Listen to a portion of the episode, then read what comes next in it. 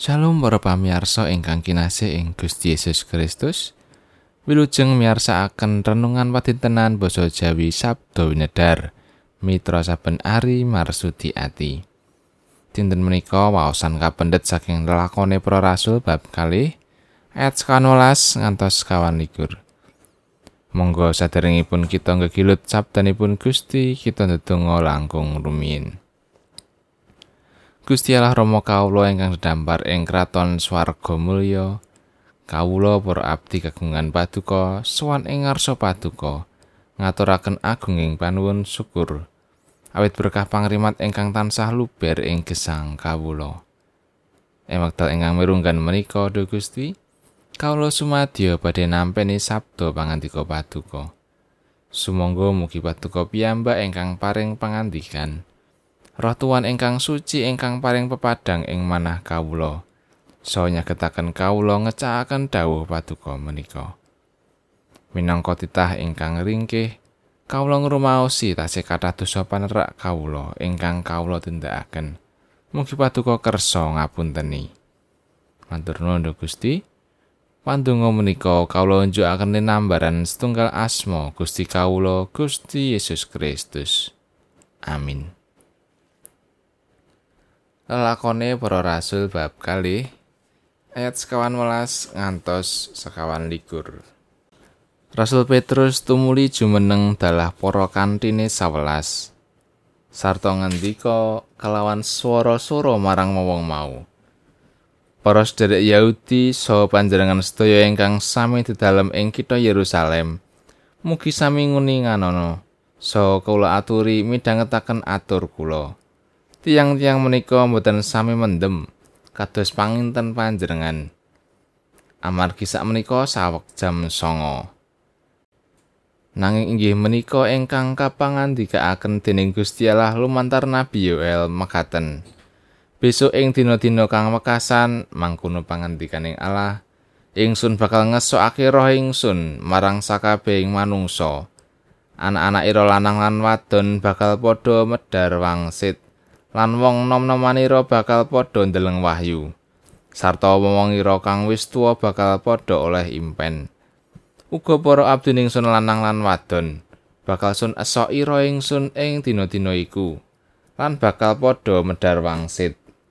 Sarta ingsun bakal nganakake mujizat-mujizat ana ing dhuwur ana ing langit lan pratandha-pratandha ana ing ngisor ana ing bumi.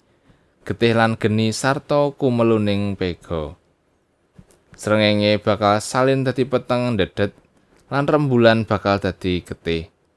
Sadurunge dinaning pangeran kang agung lan luhur iku teka. Ana dene saben wong kang nyebut asmaning pangeran iku bakal kapitulungan rahayu. Para sedherek Israel kula aturi midhangetaken atur kula menika. Ingkang kula kajengaken inggih menika Gusti Yesus saking Nazaret, setunggaling priya ingkang sampun kapiji dening Gusti Allah. So ingkang sampun katelakaken dhateng panjenengan sedaya kalian kasekten-kasekten. Tuwin mujizat-mujizat sarta pratandha-pratandha ingkang dipun wontenaken dening Gusti Allah. Lumantar panjenenganipun wonten ing tengah-tengah panjenengan sedaya. Kados dene ingkang sampun panjenengan uningani. Panjenenganipun ingkang kaulungaken dening Gusti Allah miturut karsa so rancanganipun menika sampun panjenengan salib sarta panjenengan sedani lumantar tanganipun bangsa-bangsa ingkang duraka.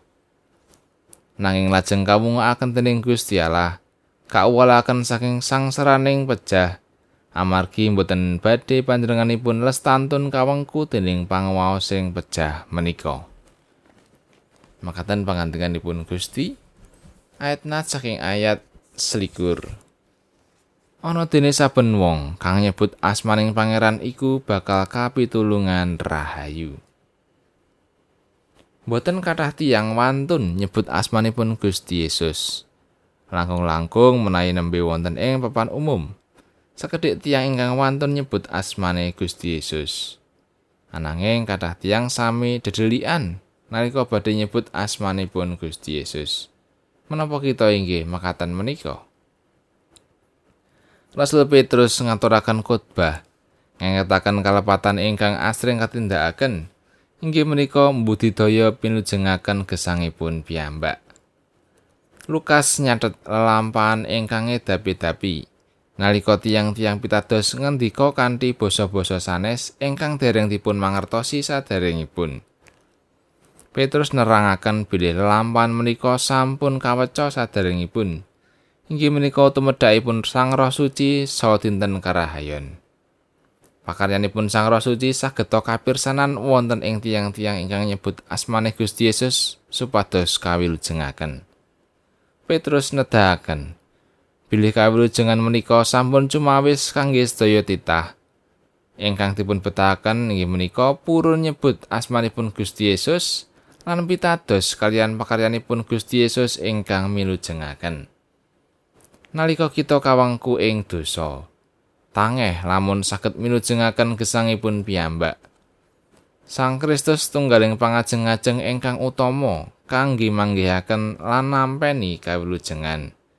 Sedaya menika inggih woing pakaryanipun Sang Kristus ingkang setya tuhu nandang sangsara, sedo sinalip lan kawungokaken.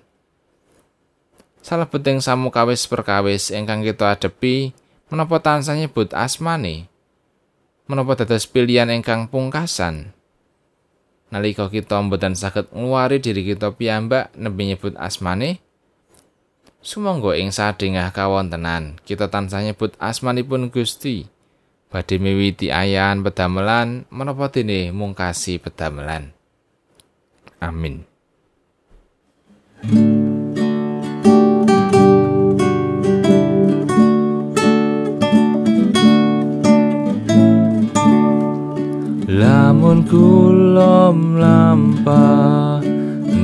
margining Allah kula sestung raos kan pinga kula yakin estu Gusti nuntun temtu.